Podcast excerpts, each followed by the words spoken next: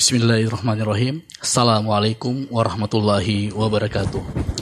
Innal hamdalillah nasta'inuhu wa nastaghfiruhu wa na'udzu billahi min syururi anfusina wa sayyiati a'malina may yahdihillahu fala mudhillalah wa may yudlil fala hadiyalah.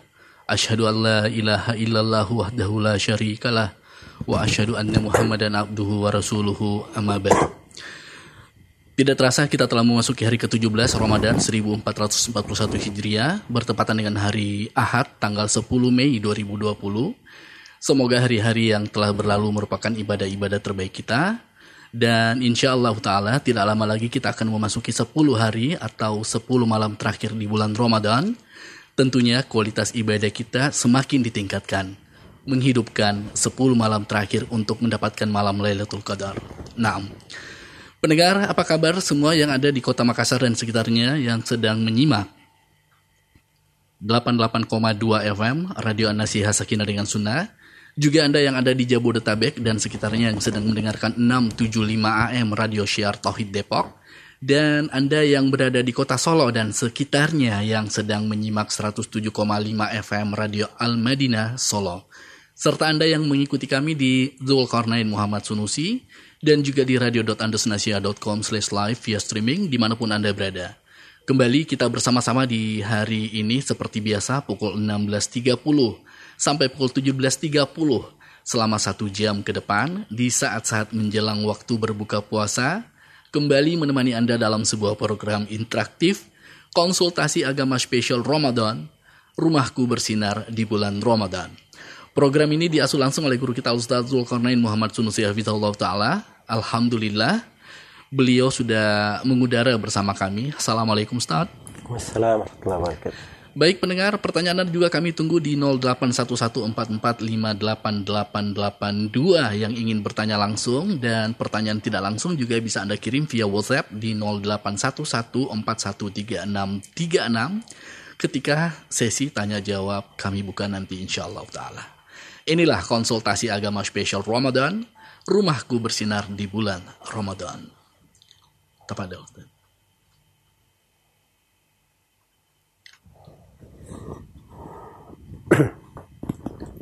Bismillahirrahmanirrahim.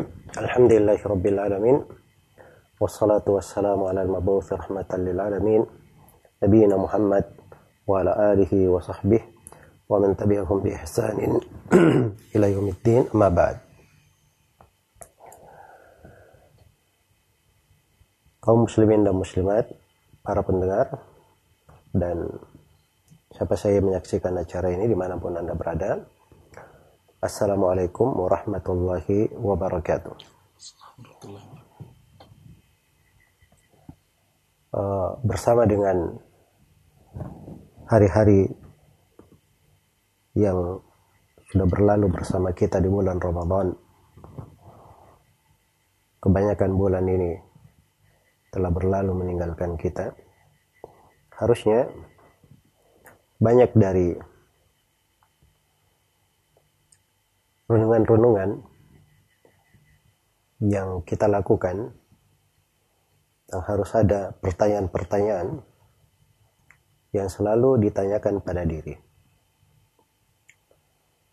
Pertanyaan-pertanyaan yang memperbaiki keadaannya, pertanyaan-pertanyaan yang mengingatkannya akan arti dari kehidupan dan pertanyaan-pertanyaan yang mengembalikannya untuk lurus di atas jalannya. Maksud dia diciptakan di atas muka bumi ini oleh Allah Subhanahu wa taala. Karena itu di kesempatan ini saya ingin mengajak semuanya untuk merenungi dua ayat di dalam Al-Quran. Ayat yang seharusnya selalu kita simpan sebagai pertimbangan. Selalu kita ingat. Dan selalu kita persiapkan akan sumpah Allah di dalamnya. Karena Allah bersumpah di dalamnya. Nah ini bukan sembarangan. Ayat ini di surah Al-Hijr. Surah yang ke-14 dari Al-Quran. Ayat yang ke-92 dan 93 A'udzu billahi minasyaitonir rajim wa rabbika lanas'alannahum ajma'in amma kanu ya'malun. Demi Rabbmu Nabi Muhammad. Allah bersumpah dengan dirinya sendiri ditegaskan kepada Nabi Nabi Muhammad demi Rabbmu wahai Nabi Muhammad Sungguh kami akan bertanya kepada mereka semuanya. Amma kanu ya'malun. Tentang apa yang mereka lakukan. Amalan yang telah amalan yang dulu mereka kerjakan. Nah ini dua ayat besar sekali dan harus selalu kita ingat. Allah bersumpah di dalamnya. Artinya, seluruh makhluk akan tercakup di dalam hal ini. Akan ditanyai. Iya. Akan ditanyai tentang hal tersebut. Dan para rasul juga akan ditanya oleh Allah Subhanahu wa taala tentang hal yang dahsyat ini.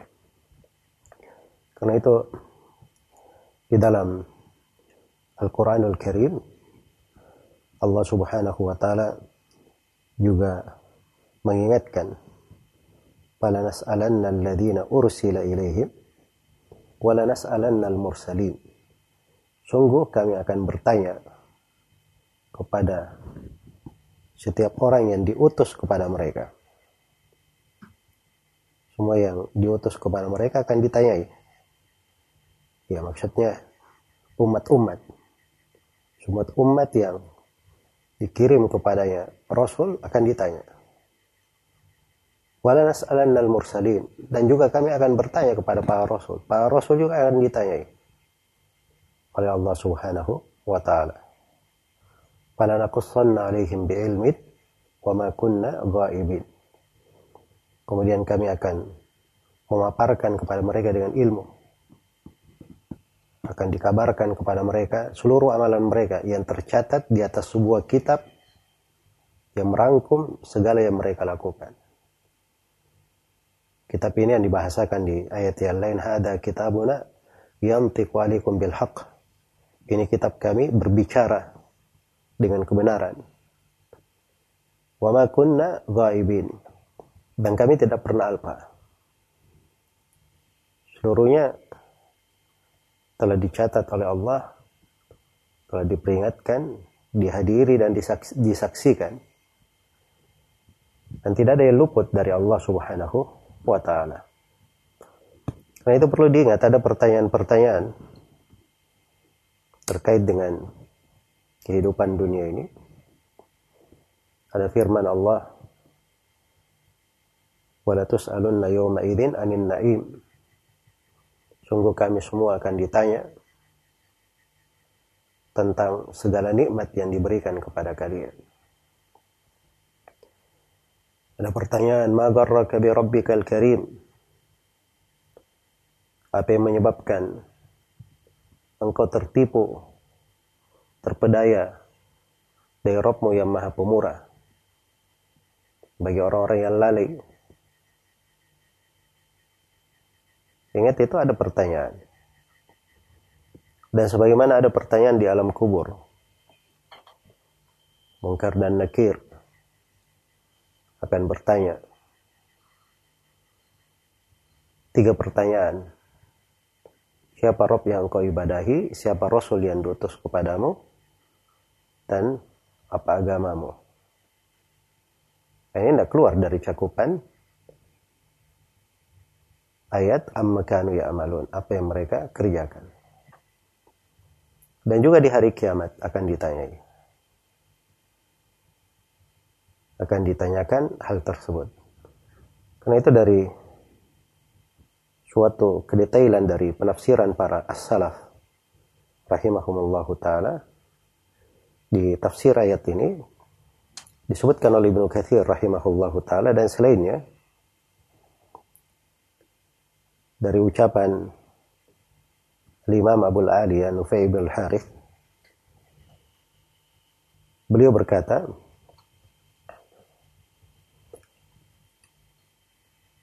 ini dari riwayat Ibnu Jarir juga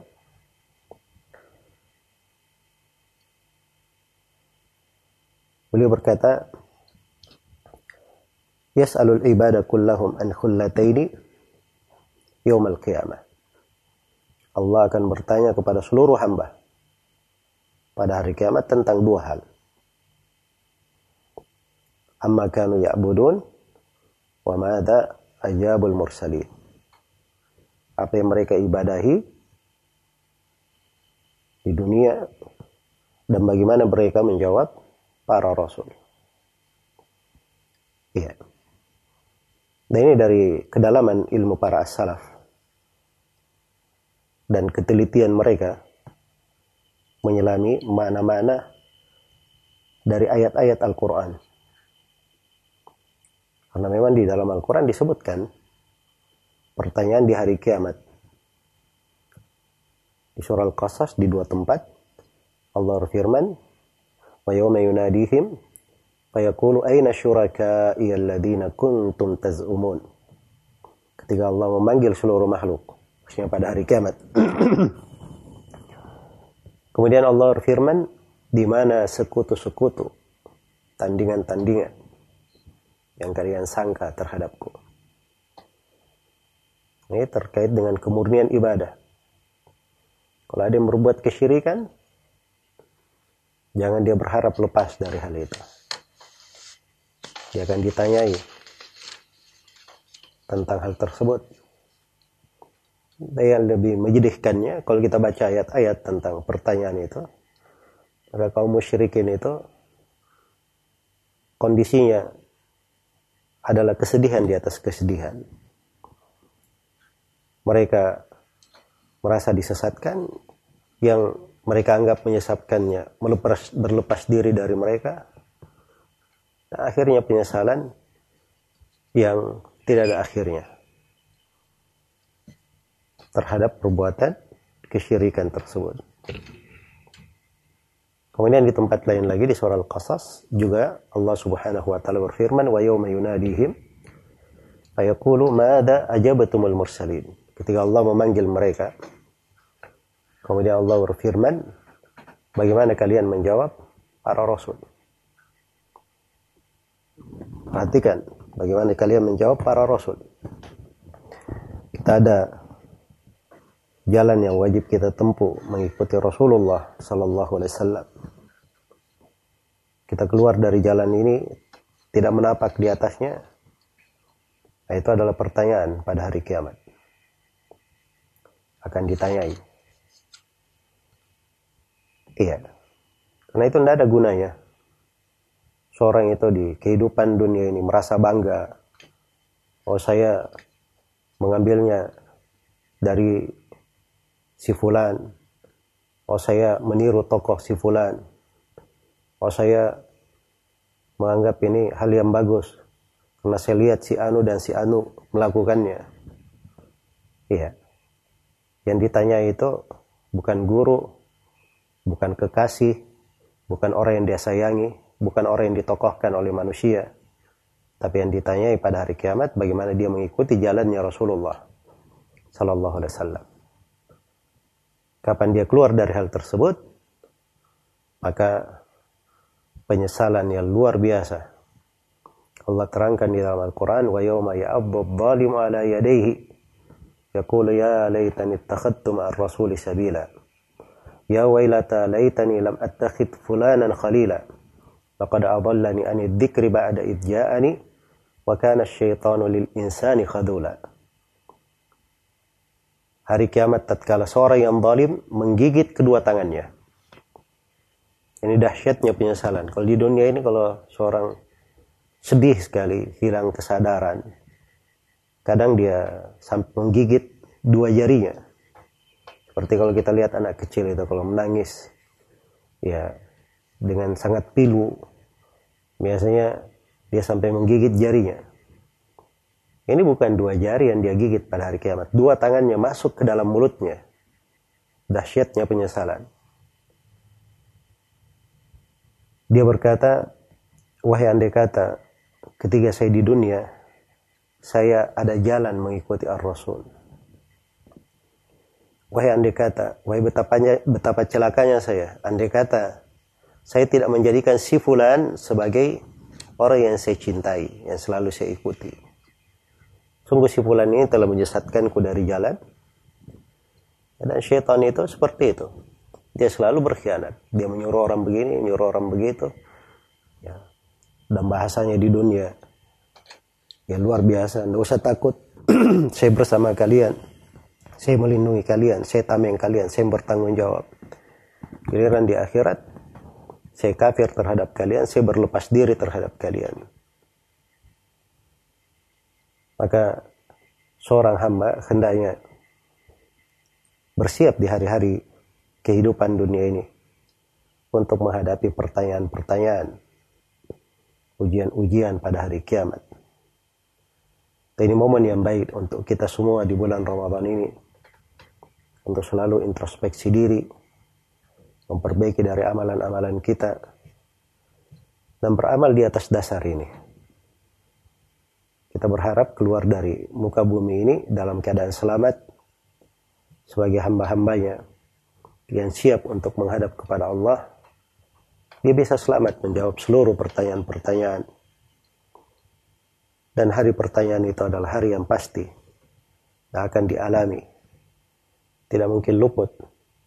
Karena Allah di sini bersumpah dengan sumpah yang agung. Bahwa Rabbika lanas'alannahum ajma'in. Rabbmu kami akan bertanya kepada mereka semua. Falanas'alanna alladhina ursila ilaihim. Walanas'alanna al-mursalin.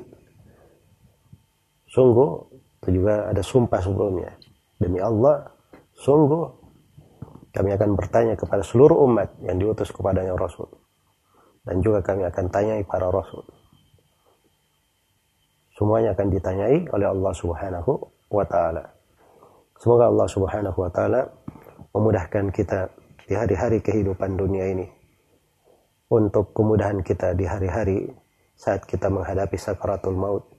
Dan semoga Allah Subhanahu wa taala memudahkan kita di alam kubur dan melipat gandakan kemudahan untuk kita semua di akhirat tatkala kita menghadapi menghadap kepadanya melalui berbagai perhara di hari kiamat.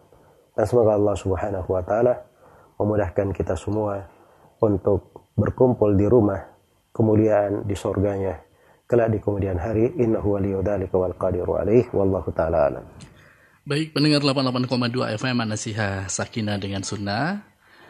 Juga pendengar radio Syiar Tauhid 675 AM Jabodetabek, pendengar radio Anna Al Madinah 107,5 FM Solo. Juga pendengar di mana pun Anda berada yang mengikuti kami di Zulkarnain Muhammad Sunusi dan juga di Radio An-Nasihah. Baik, sekarang saatnya kita masuk di sesi tanya jawab di mana Anda bisa langsung menghubungi kami di 081144588882 juga via WhatsApp di 0811413636. Baik, saya akan bertanya ke Ustadz. Ustadz, yang mana nih, Ustadz? Kita angkat telepon dulu, Ustadz ya. Baik, saya. Baik. Ya, Assalamualaikum. Waalaikumsalam warahmatullahi dari siapa Pak? Dengan hamba Allah di Maros. Silahkan. Ya. Uh, mohon Ustaz dijelaskan contoh kesyirikan yang kecil. Karena kami khawatir dengan sampai kami uh, menghindari syirik besar, tapi ternyata kami jatuh dalam kesyirikan yang kecil, tapi kami tidak tahu Ustaz Iya, saya terima kasih. Assalamualaikum warahmatullahi wabarakatuh. Waalaikumsalam warahmatullahi wabarakatuh. Baik pertanyaan yang bagus. ya, tapi yang harusnya yang paling dirisaukan itu syirik akbar, syirik besar. Nah, di masa sekarang mungkin Bapak penanya dan seluruh pendengar yang lain juga mengetahui Oh banyak orang-orang yang jatuh di dalam syirik akbar. Kadang dianggap sebagai kebiasaan, kadang dianggap sebagai hal yang wajar, dan musibahnya lagi, kadang sebagian orang menganggapnya itu bagian dari agama. Ya, padahal itu adalah jalannya orang-orang musyrik. Karena itu perlu dikenal apa definisi kesyirikan itu. Syirik itu artinya taswiyatu billahi bighairillah fi syai'in min khasa'isillah atau taswiyatu ghairillahi billah fi syai'in min khasa'isi fi syai'in min khasa'isillah menyatarakan selain Allah dengan Allah pada hal-hal yang merupakan kekhususan Allah.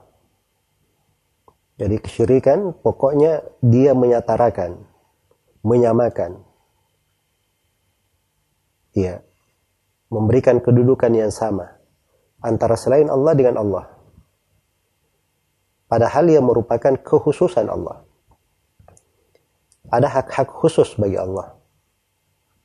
Itu harus dikenal. Hak khusus dalam rububiyah Allah yang maha mencipta, maha menghidupkan, maha memberi rezeki, maha mematikan. Kalau ada yang meyakini, ada yang menghidupkan selain Allah, itu syirik akbar. Kalau ada yang meyakini, ada yang memberi rezeki selain Allah, maka itu syirik akbar. Demikian pula kalau dia memberikan ibadah kepada selain Allah. Karena ibadah ini kehususan milik Allah. Allah tidak ridha sama sekali ada suatu ibadah dalam bentuk apa pun diberikan kepada selain Allah. Tidak yang kecil maupun yang besar. Siapa yang memberikan sedikit ibadah kepada selain Allah, walaupun sedikit, maka hukumnya dia berbuat syirik akbar, batal keislamannya. Dan kalau dia meninggal di atas hal itu, dia akan kekal di dalam neraka selama-lamanya. Karena Allah subhanahu wa ta'ala telah berfirman, وَمَنْ يَدْعُ مَعَ اللَّهِ إِلَهًا آخَرٍ la burhana lahu bih fa innama hisabuhu inda rabbih innahu la yuflihul kafirun barang siapa yang beribadah kepada sembahan lain selain daripada Allah yang sembahan ini tidak ada argumen tidak ada hujah tentangnya tidak ada alasan untuk mengibadahinya dan itu sifat seluruh yang disembah selain daripada Allah maka perhitungannya di sisi Allah diglobalkan ancaman karena dahsyatnya sulit untuk diperinci dahsyatnya ancaman. Tapi di akhir ayat ditegaskan orang-orang kafir tidak akan beruntung. Disebut sebagai orang-orang yang kafir kepada Allah Subhanahu wa taala. Iya. Karena itu tidak boleh memberi ibadah dalam bentuk apa pun kepada selain Allah. Ada yang berdoa misalnya kepada penghuni kubur itu syirik akbar. Hancur seluruh amalannya. Dia akan kekal di dalam neraka ada yang berdoa misalnya kepada gunung atau memberikan dari sesajian, memberikan nadar ke laut, ke bukit, pohon-pohon yang dikeramatkan, itu memberi ibadah kepada selain Allah. Itu hukumnya syirik akbar. Iya. Allah subhanahu wa ta'ala tidak ridha ibadah dalam bentuk apa pun diserahkan kepada selain Allah Subhanahu wa taala. Kemudian yang ketiga dari kekhususan Allah ada ada nama-nama dan sifat-sifat khusus bagi Allah. Kalau ada nama-nama Allah yang khusus baginya, sifat-sifat khusus baginya, itu tidak boleh ada yang bernama dengannya, mensifatkan dirinya dengannya. Itu masuk di dalam kesyirikan. Iya. Jadi syirik itu dasarnya menyatarakan selain Allah dengan Allah padahal yang merupakan khususan Allah. Karena itu penduduk neraka di hari kiamat di antara kepiluan dan raungan mereka di dalam neraka, mereka berkata, "Itnusawwikum bi rabbil alamin." Kami sudah tersesat seperti ini ketika kami menyamakan kalian karena mereka dikumpulkan bersama orang yang mereka ibadahi di dalam neraka atau uh, dari kesyirikan-kesyirikan yang kafir kepada Allah Subhanahu wa taala dikumpulkan bersama mereka di dalam neraka. Maka mereka berkata, kami menjadikan kalian setara dengan Allah Subhanahu wa taala, dengan Rabbul Alamin. Iya. Yang membedakan antara syirik akbar dan syirik asgar, kalau syirik akbar itu itu ditunjukkan oleh dalil-dalil bahwa hal tersebut mengeluarkan dari keislaman. Kalau syirik asgar itu ditunjukkan oleh dalil-dalil bahwa itu tidak membatalkan keislaman. Seperti misalnya syirik asgar, dia bersumpah dengan selain nama Allah. Ya, dia bersumpah dengan selain nama Allah, itu menyetarakan makhluk dengan Allah karena bersumpah itu khususan dengan nama Allah saja. Kalau dia sebut selain nama Allah di situ, berarti dia setarakan Allah dengan makhluk. Hanya saja hal itu tidak mengeluarkan dari keislaman, masuk di syirik asgar, karena Nabi Shallallahu Alaihi Wasallam tidak menyebutkan pembatal keislaman terhadap orang yang melakukannya hanya ditegur keras di dalam hal tersebut. Menunjukkan itu adalah syirik asgar. Demikian pula dari syirik asgar, dia memandang ada suatu sebab yang tidak disyariatkan bisa memberi manfaat atau bisa memberi bahaya. Misalnya dia menggantung jimat-jimat. Menggantung jimat-jimat. Dianggap bisa menolak bala. Ya, bisa menjauhkannya dari musibah. Ya, maka ini bentuk dari syirik asgar. Sebab menjadikan suatu sebab yang tidak disyariatkan atau sebab yang tidak ditakdirkan oleh Allah sebagai suatu sebab yang bisa dianggap uh, menolak bahaya atau menjauhkan daripada mendatangkan manfaat, maka itu adalah syirik masuk ke dalam syirik asgar. Iya. Maka itu beberapa dari jenis syirik asgar. Dan ini perlu dipelajari dengan baik dan benar. Dan di radio kita di Radio An-Nasiha itu ada pelajaran terkait dengan uh, pembahasan tauhid secara terperinci. Dan memang itu sengaja di uh, diputar sepanjang tahun ya. Rincian bagaimana tauhid ibadah yang murni kepada Allah kemudian rincian bentuk-bentuk syirik akbar itu apa dan rincian bentuk-bentuk syirik asgar. Agar supaya kita berharap seluruh saudara-saudara kita kaum muslimin dan muslimat mengenal hakikat ibadah yang mereka dicipta untuknya. Sebagaimana firman Allah, "Wa ma khalaqatul jinna wal ins illa liya'budun." Tidaklah aku menciptakan jin dan manusia kecuali untuk beribadah kepada aku. Semoga Allah memberi taufik kepada semuanya. Wallahu ta'ala alam. Acaranya jam berapa tuh Pak Dadang yang kita uh, Jam 10 malam sampai jam 11 Ustaz. Baik. Setiap malam. Setiap malamnya. Baik, eh, demikian tadi jawabannya. Contoh dari syirik kecil yang sudah dijawab oleh Ustaz, guru kita Zulkarnain Muhammad Sunusi dan saya kita angkat telepon lagi Ustaz. Saya.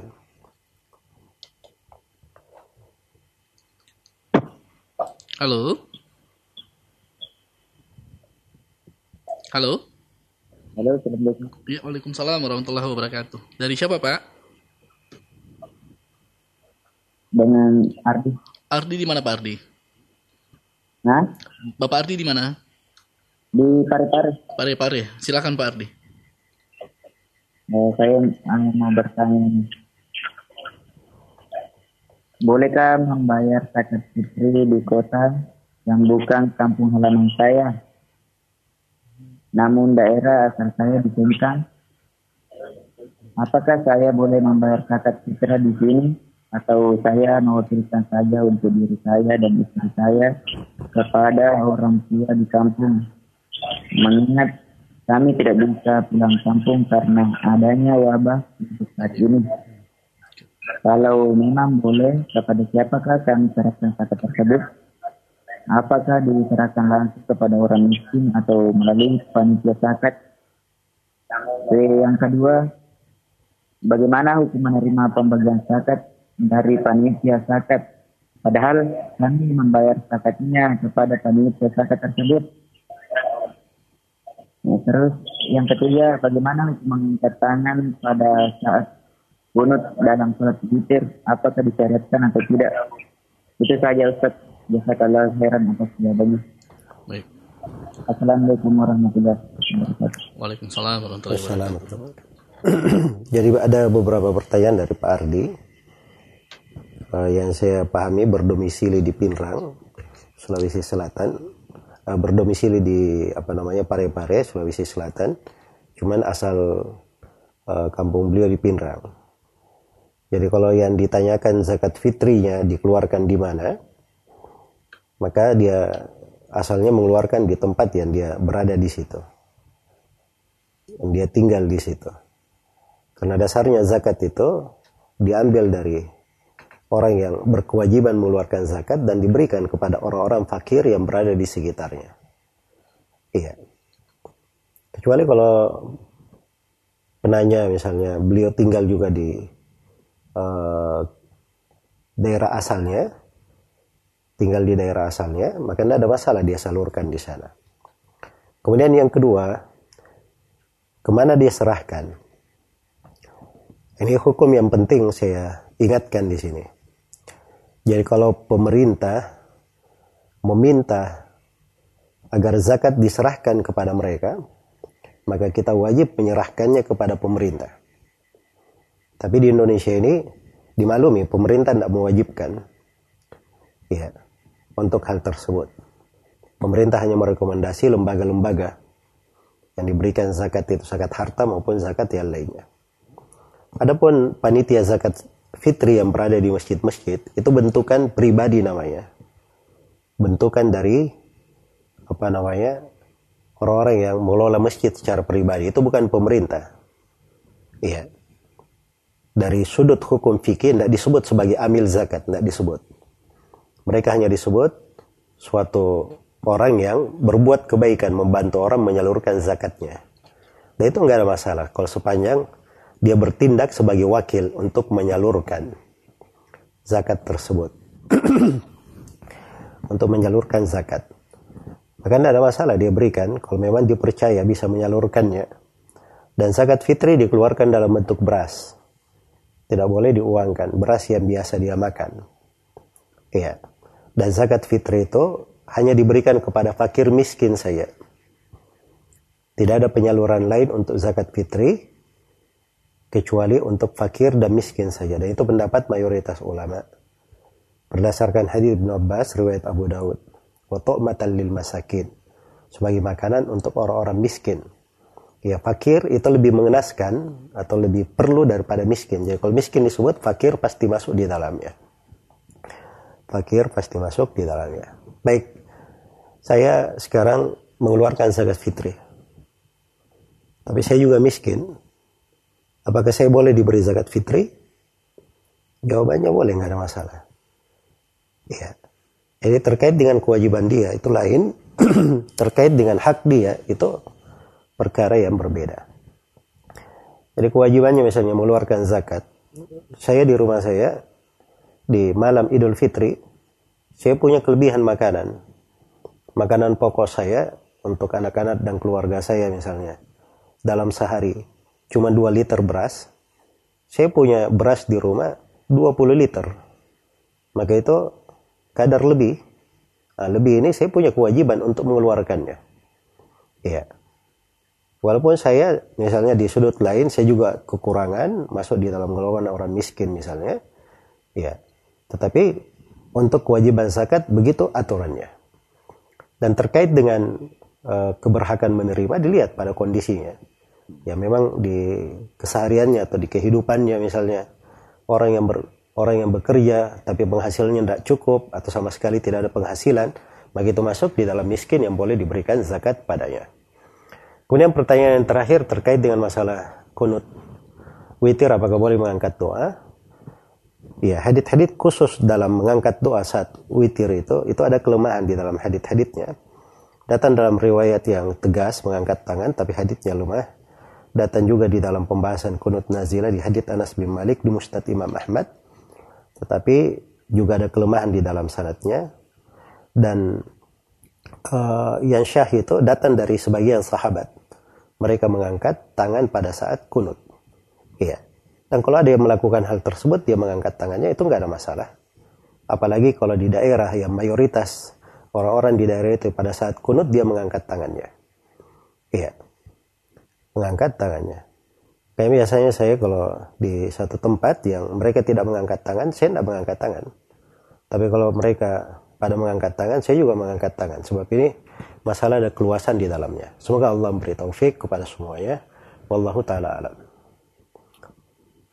Baik, ada yang bertanya apa benar ada larangan dari Nabi Shallallahu Alaihi Wasallam eh, meniup makanan atau minuman yang panas sebelum dimakan dan diminum? Jawabannya itu benar ya. Uh, ada beberapa hadith terkait dengan hal tersebut. Ada hadith uh, Abu Sayyid Al-Khudri, nah Nabi sallallahu alaihi wasallam fil ina. Nabi sallallahu alaihi wasallam melarang untuk bernapas di bejana. Ya kalau dia minum bernapas di bejana, ya, maka itu adalah hal yang dilarang. Dan itu hadith riwayat Bukhari Muslim. Ya kalau bernapas saja dilarang, apalagi kalau dia meniupnya. Dan itu lebih tegas dalam hadith Ibnu Abbas, riwayat Abu Daud, dan At-Tirmidzi larangan untuk meniup di makanan atau di dalam minuman. Ya, dan asal dalam larangan itu asalnya bersifat pengharaman. Ya, semoga Allah Subhanahu wa taala memberi taufik kepada semuanya wallahu taala alam. Terkait 10 hari terakhir Ramadan, amalan apa saja yang lebih afdal dilakukan pada 10 terakhir Ramadan?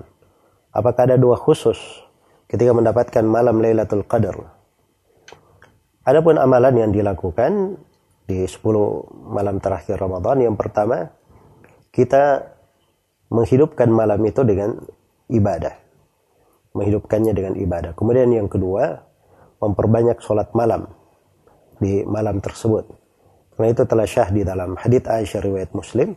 Idza dakhala al-ashru, kana Nabi sallallahu alaihi wasallam idza dakhala al-ashru shadda mi'zarah ahya lailahu wa iqadha ahlah. Adalah Nabi Shallallahu Alaihi Wasallam apabila sudah masuk di 10 malam terakhir beliau mengencangkan sarungnya beliau hidupkan seluruh malamnya dan beliau membangunkan keluarganya. Iya. Kemudian disyariatkan juga di 10 malam terakhir dia melipat gandakan segala usaha dan upayanya dalam ibadah dan ketaatan. Karena itu juga dalam hadits Aisyah riwayat Muslim karena Nabi Shallallahu Alaihi Wasallam fil yajtahidu fil ashril awakhiri ma la yajtahidu fi ghairihi. Adalah Nabi sallallahu alaihi wasallam beliau bersungguh-sungguh ibadah di 10 malam terakhir, kesungguhan yang tidak terlihat pada tempat-tempat yang lainnya. Iya. Dia juga memperbanyak membaca Al-Qur'an. Memperbanyak membaca Al-Qur'an. Perbaiki mana dia bersedekah.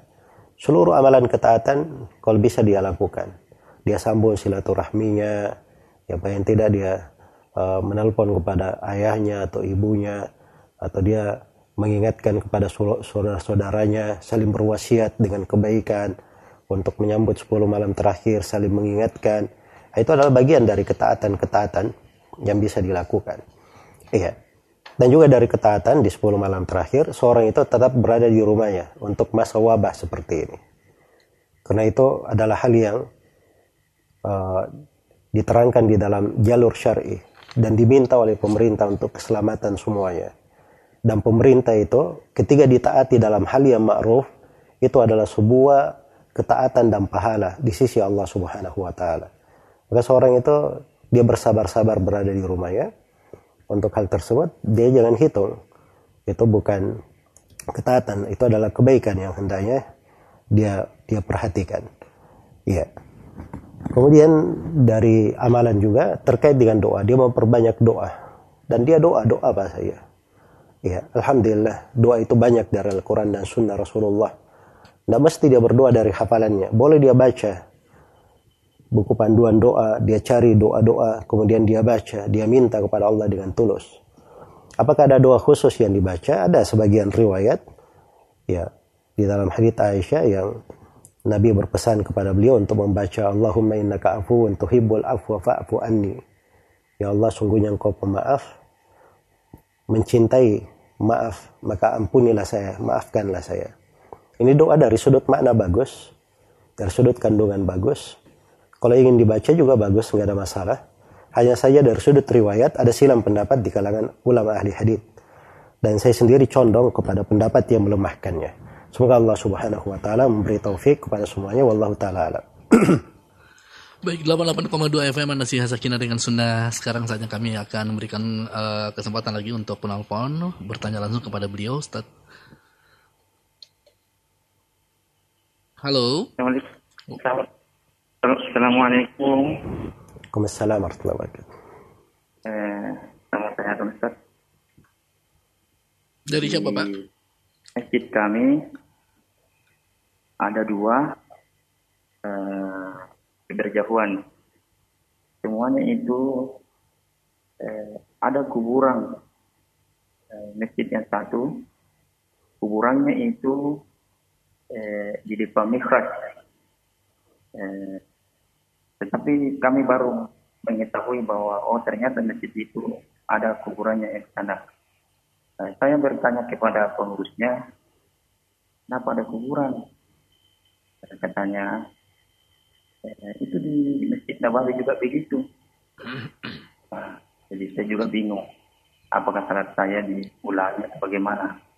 Kemudian masjid yang kedua, eh, ada kuburannya, tetapi di dalam pekarangan pagar, tetapi sudah ditembok. Eh, apakah boleh salat juga atau tidak? Syukran. Assalamualaikum warahmatullahi wabarakatuh. Waalaikumsalam warahmatullahi wabarakatuh.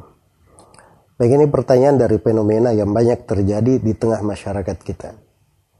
Ini hal-hal yang penting untuk diketahui. Yang pertama, seorang muslim dan muslimah itu, kalau dia meninggal, itu tidak boleh dia dikubur sendiri. Atau dikubur di tempat yang bukan pekuburan kaum muslimin. Kewajibannya adalah dikubur bersama kaum muslimin. dikubur bersama kaum muslimin. Itu kewajibannya. Kalau tidak, itu artinya kita membuat kerugian untuk orang yang dikubur itu sendiri. Coba bayangkan. Kalau dia dikubur bersama kaum muslimin, setiap kali ada yang datang ke kuburan berziarah misalnya, atau datang ke kuburan mengantar jenazah untuk dikuburkan, kan mereka baca doa untuk seluruh penghuni kubur. Nah, ini tidak dapat bagian dari doa karena dia tidak ada di situ. Iya. Tidak di situ. Kemudian yang kedua, dan ini yang paling penting ya, karena ini terkait dengan ibadah kepada Allah Subhanahu wa taala. Dan terkait dengan hukum pertanyaan yang ditanyakan. Tidak boleh ada kuburan di dalam masjid. Ya kalau kuburan di dua pertanyaan dua masjid ini yang ditanyakan, kalau kuburannya masuk di dalam area masjidnya, masuk di dalam lingkup masjid yang dipakai sholat, bangunan masjid yang dipakai sholat, maka itu tidak syah sholat di dalamnya. Tidak syah sholat di dalamnya, dan itu tidak ada silam pendapat di tengah para ulama. Karena Nabi Shallallahu Alaihi Wasallam telah mutawatir dari beliau, beliau bersabda la'an Allahul Yahuda wan Nasara ittakhadu kubur anbiya'ihim masajid. Allah melaknat orang-orang Yahudi dan Nasara, mereka menjadikan kuburan nabinya sebagai masjid dan telah syah dari Nabi beliau bersabda la tusallu ilal kubur. Jangan kalian sholat ke kuburan. Jadi siapa yang sholat di kuburan yang di dalam kuburnya di dalam masjidnya ada kubur apakah di bagian belakangnya bagian sampingnya bagian uh, tengahnya atau di depannya di depan imam misalnya maka itu adalah hal yang membatalkan sholatnya tidak syah sholat di situ. Tetapi kalau kuburannya dia di luar bangunan masjid di arah mihrab misalnya, tapi di luar bangunan masjid, di luar tembok masjid, atau di pekarangan masjid, di sebelah kanan, sebelah kiri, belakang, ya.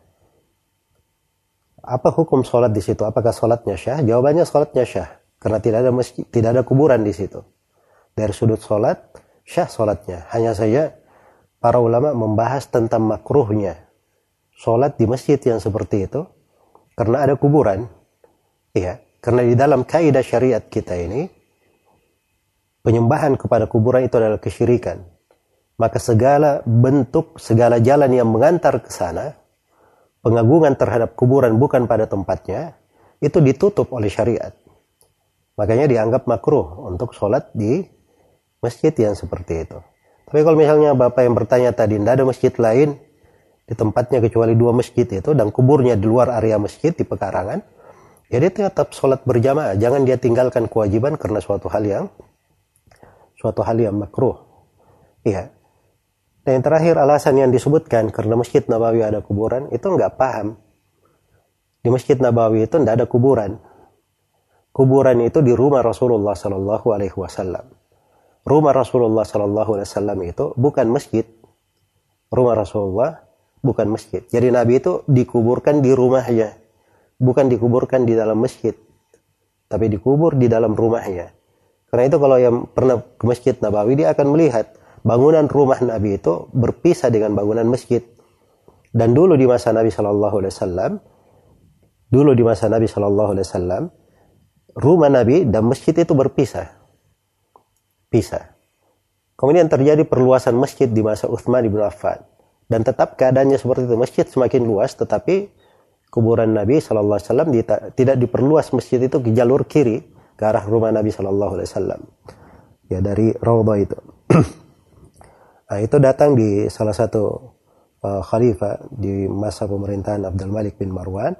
Nah, dialah yang keliru uh, di pemerintahan Marwan bin Abdul Malik. Dialah yang keliru di dalam hal itu. Dia yang memperluas ke sebelah kiri. Ya. Tapi bersamaan dengan itu diingkari oleh para ulama.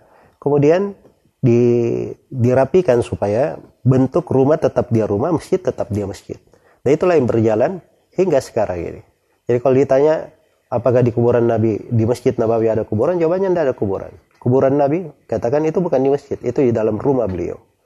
Ya, kemudian di sudut lain hukum sholat di masjid Nabawi itu hukum yang Allah tetapkan berlaku hingga hari kiamat. Dan itu tidak ada perubahan. Tidak akan berubah dengan kesalahan yang dilakukan oleh manusia. Tapi berbeda dengan masjid yang lain. Masjid yang lain itu disyarat hukum di syariat Islam harus dibersihkan dari segala hal yang bersifat kuburan. Kuburan siapa pun. Semoga Allah Subhanahu wa taala memberi taufik kepada semuanya wallahu taala alam. Baik, terkait dengan sholat id di rumah, apakah ada khutbahnya? Jawabannya kalau ada yang sholat id di rumah, dia ikut kepada pendapat mayoritas ulama yang membolehkan ada sholat id bagi orang yang punya udur, maka tidak ada masalah dia sholat id di rumah tapi tidak ada khutbah. Tidak ada khutbah. Ya karena khutbah itu terkait dengan perkumpulan orang banyak, dan di dalam syariat khutbah itu asalnya terkait dengan imam besar di dalam sebuah negara yang kepala negara yang mengutarakan khutbah atau siapa yang ditunjuk oleh kepala negara. Iya, siapa yang ditunjuk oleh kepala negara. Karena itu asalnya juga pelaksanaan hari raya Id itu itu tidak ditegakkan kecuali pada tempat-tempat yang ditunjuk oleh pemerintah. Iya, ditunjuk oleh pemerintah. Cuman kita kadang sering menyaksikan hal-hal yang di luar batasan ada orang-orang yang mengadakan sholat id sendiri dengan inisiatif sendiri, khutbah sendiri, ya tanpa ada persetujuan dari pemerintah. Akhirnya ribut antara uh, eh, RT ini dengan RW sana karena jaraknya berdekatan. Nah, itulah sebenarnya fungsinya pemerintah di situ. Karena itu disebutkan di dalam buku-buku tentang politik syar'i bahwa salah satu wewenang seorang pemerintah dia mengatur penentuan sholat berjamaah, sholat id, ya masuknya Ramadan, keluarnya Ramadan, dan penentuan haji. Sebab ini hal yang mengumpulkan manusia harus berasal dari ucapan satu orang yang semuanya bersepakat di situ. Dan itu tugas pemerintah yang memiliki power di dalam hal tersebut. Semoga Allah memberi taufik kepada semuanya. Baik Ustaz, uh, Ustaz uh, waktu kita tersisa sedikit lagi, mungkin uh, tersisa dua pertanyaan terakhir. Silakan Ustaz. bisa diambil pertanyaan yang masuk via WhatsApp dan mungkin satu pertanyaan dari penelpon. Baik.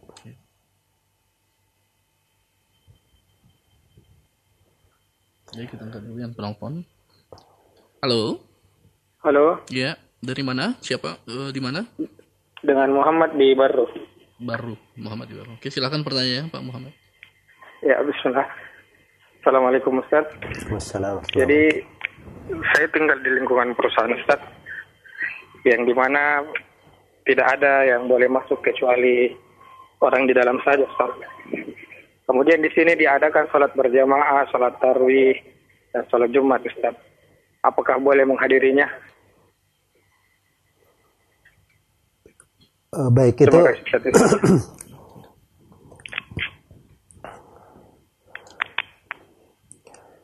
baik ini pertama Eh, kondisi yang disebutkan tinggal dalam sebuah perusahaan dan tidak ada yang masuk di dalamnya kecuali orang-orang yang telah diketahui hanya dalam lingkungan pribadi saja. Iya. Maka ini terkait dengan beberapa hal. Yang pertama terkait dengan arahan pemerintah di dalam hal tersebut. Itu harus diketahui dari arahan pemerintah untuk ibadah di rumah. Jangan membuka pintu. Ya walaupun dia katakan kami di perusahaan ini kami isolasi orang yang masuk kami semuanya tahu Ya. Dan orang-orang yang di dalam itu bisa dipastikan bebas misalnya dari virus karena sudah terkarantina lebih dari dua pekan dan sudah diberi ini dan beri itu dan seterusnya. Ya, namun pintu menutup segala jalan yang mengantar kepada terjangkitnya manusia, kalau dipandang oleh pemerintah itu berlaku, maka itu didengarkan dan taati. Dia perusahaan maupun selain perusahaan. Itu yang pertama. Kemudian yang kedua, memang uh, seorang itu tidak sholat di masjid, itu ada ilahnya, bukan karena apa namanya uh, semata, misalnya uh, suatu ketetapan, tapi dia adalah suatu makna yang bisa dipahami. Ada ada sebabnya kenapa dilarang. Jadi kalau sebabnya misalnya mereka bisa aman atau kami berada di lingkungan sama sekali tidak ada dan aman 100% di dalam uh, potensi orang terjangkit virus tersebut, ya maka itu mungkin bisa mereka lakukan dengan arahan dari pemerintah setempat yang mereka kerjakan di situ. Iya, izin dari pemerintah setempat. Tapi kalau uh, seperti yang saya katakan tadi, ya pada dasarnya jangan dia buka untuk uh, diri mereka hal yang bisa membahayakan orang lain, apalagi kalau masuknya di dalam hal tersebut masuk dalam bentuk bergampangan. Ya. Dan kembali saya ingatkan bahwa pada saat-saat yang ada udur di dalamnya, seorang jangan memaksakan diri. Allah Subhanahu wa taala menggugurkan untuknya dari keutamaan-keutamaan ibadah, sholat berjamaah, sholat Jumat, itu digugurkan untuk sejumlah manusia, orang musafir, orang yang sakit. Dan itu tidak dipermasalahkan di masa Nabi Shallallahu Alaihi Wasallam dan tidak berat dilakukan oleh Nabi dan para sahabatnya. Karena itu Nabi Shallallahu Alaihi Wasallam bersamaan dengan keutamaan hari Jumat yang keutamaannya disebut oleh Suyuti puluhan bahkan hampir ratu, uh, hampir mendekati seratus keutamaan tentang hari Jumat. Bersama dengan itu Nabi Shallallahu Alaihi Wasallam ketika musafir beliau tidak melakukan sholat Jumat di perjalanan mana pun. Iya, maka di kondisi udur seperti itu di kondisi udur seperti itu. Semoga Allah Subhanahu wa taala memberi taufik kepada semuanya. Baik ini saya baca satu pertanyaan terakhir. Ya saya sebenarnya kalau dihadapkan memilih satu pertanyaan terkait padahal pertanyaannya banyak sekali, maka saya pilih pertanyaan yang terkait dengan tema kita, pembahasan Ramadan dan hal yang mungkin paling banyak diperlukan. Nah ini terkait dengan perempuan Apakah boleh perempuan meminum pil penunda haid? Ya. Karena kalau dia meminum uh, pil KB, jadwal haidnya bisa diatur agar dia bisa puasa penuh. Baik. Jadi terkait dengan perempuan, dia ingin uh, meminum sebagian dari obat-obatan agar supaya bisa puasa penuh.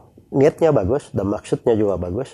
Dan dimaklumi sebagian perempuan itu merasa berat mengganti puasanya di luar Ramadan. Ya. Dan hal tersebut dibolehkan, tetapi dengan uh, dua syarat. Syarat yang pertama itu direkomendasikan oleh seorang dokter yang ahli. Harus ada rekomendasi dari dokter ahli untuk dia sendiri, bukan rekomendasi umum, tapi direkomendasikan untuk dia secara pribadi. Terus yang kedua, sepanjang dia meminum pil ini tidak mengakibatkan bahaya untuk dia, tidak mengganggu siklus haidnya dan tidak mengganggu uh, apa namanya perputaran ibadahnya. Semoga Allah Subhanahu wa taala memberi taufik kepada semuanya wallahu taala alam. Alhamdulillah wa barakallahu fik. Demikian konsultasi agama spesial Ramadan, rumahku bersinar di bulan suci Ramadan 1441 Hijriah ini di hari 17 Ramadan bertepatan dengan tanggal 10 Mei 2020.